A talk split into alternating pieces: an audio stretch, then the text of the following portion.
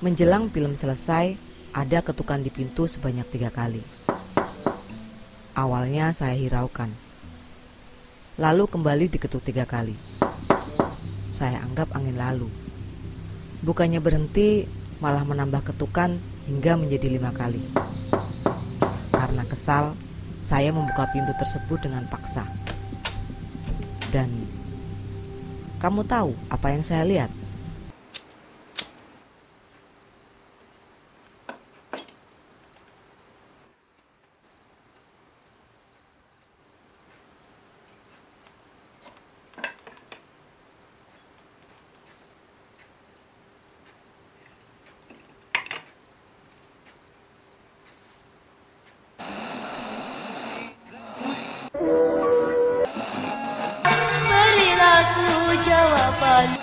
Selamat datang di podcast Kopi Hitam.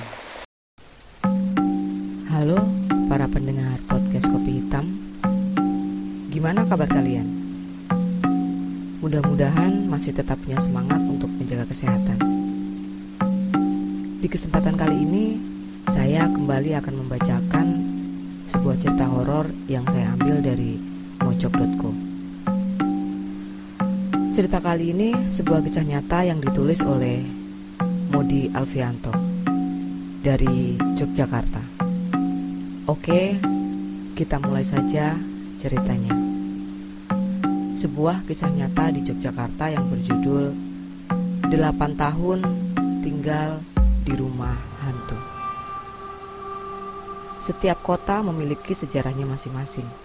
Setiap kampung memiliki ceritanya masing-masing dan setiap rumah juga memiliki kisah tersendiri.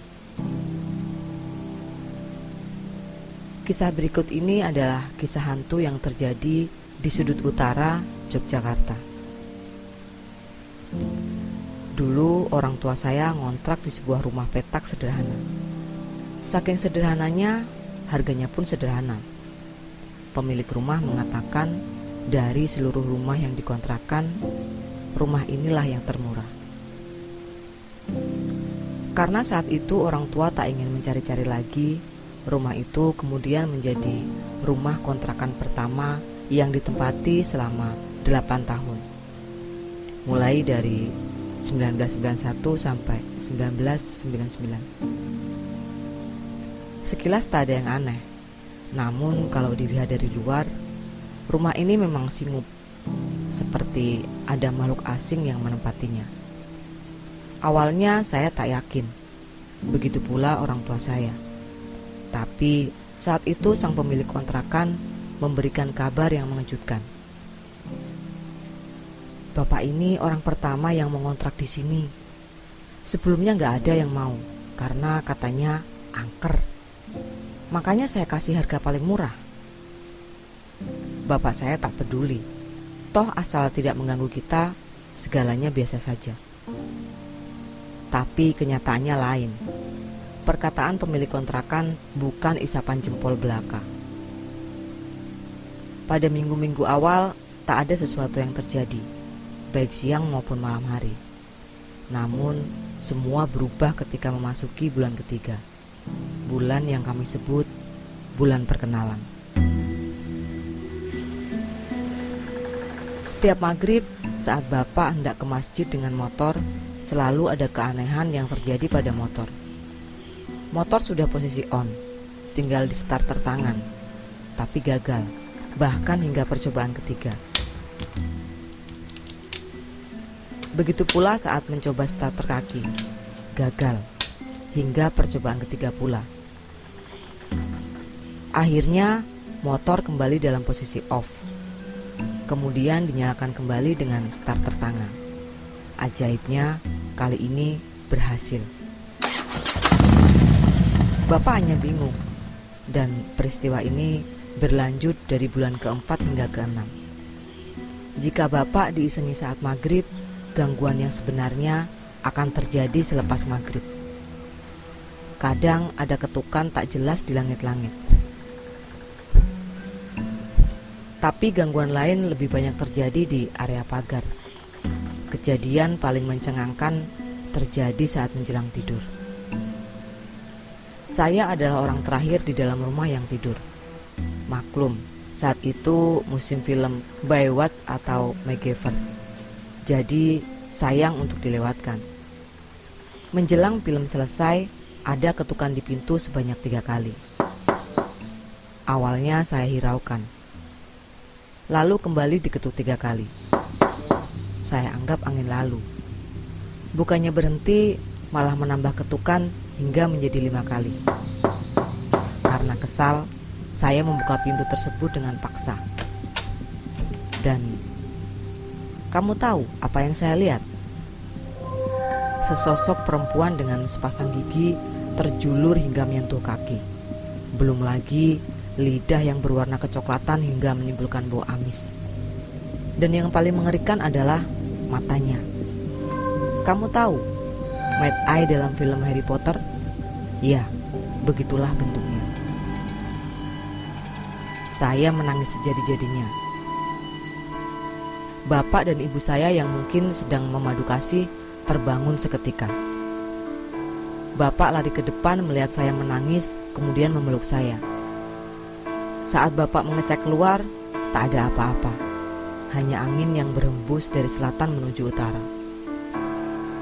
Setelah peristiwa itu, saya lebih suka tidur awal, melewatkan dua film tersebut apa boleh buat daripada saya bertemu dia lagi? Saya pun enggan mengingatnya walaupun wajahnya hingga kini masih membekas di pikiran saya. Esoknya, giliran bapak yang mengalami kejadian serupa. Bapak melihat ibu sedang duduk santai di ruang tamu dengan mengenakan gaun merah. Saat dipanggil, ibu bukannya menoleh, tapi malah memilih keluar rumah. Lantas, bapak pun mengikuti langkah ibu. Saat menuju halaman, terdengar suara ibu memanggil bapak dari dapur. Karena terkejut, bapak menoleh ke belakang dan menjawab panggilan ibu. Namun, sepersekian detik, bapak berpikir, kalau dari belakang itu suara ibu, maka di depan bapak ini siapa? Saat kembali menoleh ke depan, dia sudah tidak ada. Hilang, lenyap tak berbekas. Bapak hanya terdiam dan berdoa. Peristiwa tersebut berulang hingga beberapa tahun selanjutnya. Sampai-sampai kami terbiasa dengan tingkah laku dia. Suka muncul dan menghilang tiba-tiba. Namun kali ini lain. Ibu mengalami peristiwa yang tidak biasanya. Saat menjelang tidur, ibu memperhatikan ruang tamu. Setelah mematikan lampu, ternyata ada dia. Dia duduk sembari menundukkan kepala dengan rambut terjuntai hingga menjalar ke mana-mana. Lampu dinyalakan. Ia menghilang. Lalu lampu dimatikan kembali. Kali ini ia berdiri di pojokan sembari kepalanya menghadap tembok. Tapi dari sekian malam, hanya malam Jumat Legi yang paling menakutkan. Bapak pulang dari latihan karate saat maghrib. Dulu saat maghrib, daerah pemukiman Banteng Baru adalah daerah yang menakutkan. Tak ada yang berani keluar selepas maghrib. Beda dengan sekarang. Pembangunan berjalan pesat. Convenience store macam Indomaret atau Alfamaret menjamah perumahan tersebut. Belum lagi kafe dan lainnya. Tak ada yang aneh saat memasuki gerbang perumahan. Namun, sesampainya di lapangan sepak bola yang sekarang berubah menjadi Indomaret, ada yang menggelendoti bapak. Saat melihat spion, tak ada wajah.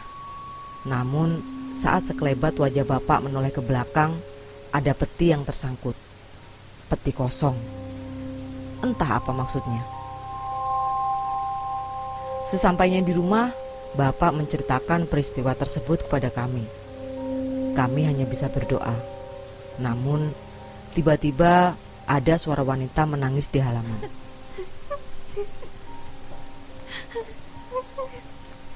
Saya dan ketiga adik serta ibu hanya duduk di ruang keluarga sembari berdoa. Saat bapak menuju halaman, suara tersebut pindah ke kamar mandi. Lalu dikejar lagi. Suara itu pindah ke kamar tamu dan dikejar kembali. Kali ini suara tersebut pindah ke dapur. Bapak berjalan pelan menuju dapur. Sesampainya di sana, suara tersebut menghilang. Sekitar lima menit kemudian, suara tersebut muncul di halaman belakang. Lebih tepatnya, berada di pohon nangka.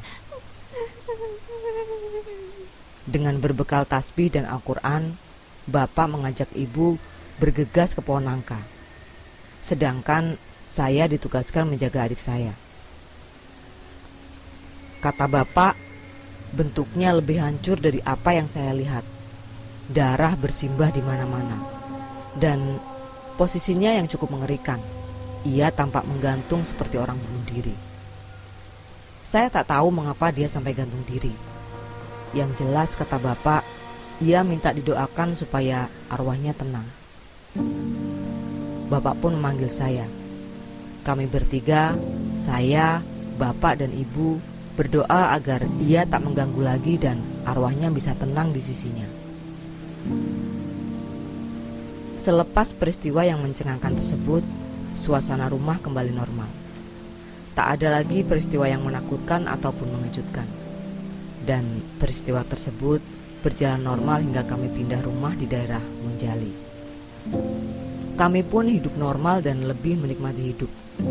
Namun, Beberapa hari setelah kami pindah, penghuni kontrakan lama yang menggantikan kami datang ke rumah dengan wajah yang pucat pasi. Ada apa toh pak? Kok seperti ketakutan? Kata bapak bertanya.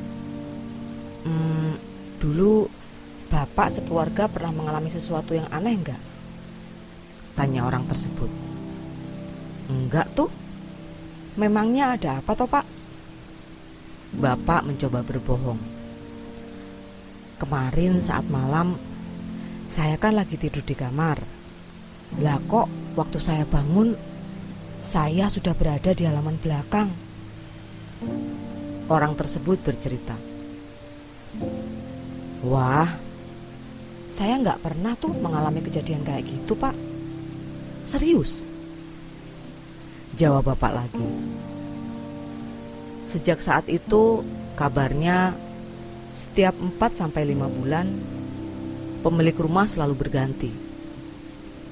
Kadang kalau ada pemilik yang menempati sudah menjelang setahun, direnovasi agar nyaman. Tapi baru mau diselesaikan, sang pemilik justru pindah. Aneh. Hingga kini renovasi terus berjalan. Saya tak tahu siapa yang menempati sekarang. Yang jelas, saat ini ada julukan baru untuk rumah tersebut. Kandang Bubrah. Selesai. Lagi-lagi kota Yogyakarta. Kota yang penuh dengan cerita-cerita hantu. Kota yang menurut saya mistis. Sebenarnya Kisah-kisah yang diceritakan di rumah tersebut sangat menakutkan. Sayangnya diceritakan hanya singkat-singkat. Mungkin kalau ceritanya lebih detail bakal lebih seram lagi. Oke, cukup sekian cerita kali ini. Jangan lupa tetap jaga kesehatan ya. Dan bagi yang belum subscribe, silahkan subscribe dan nyalakan lonceng notifikasi. Terima kasih sudah mendengarkan sampai selesai. Saya Sari, sampai jumpa di cerita selanjutnya.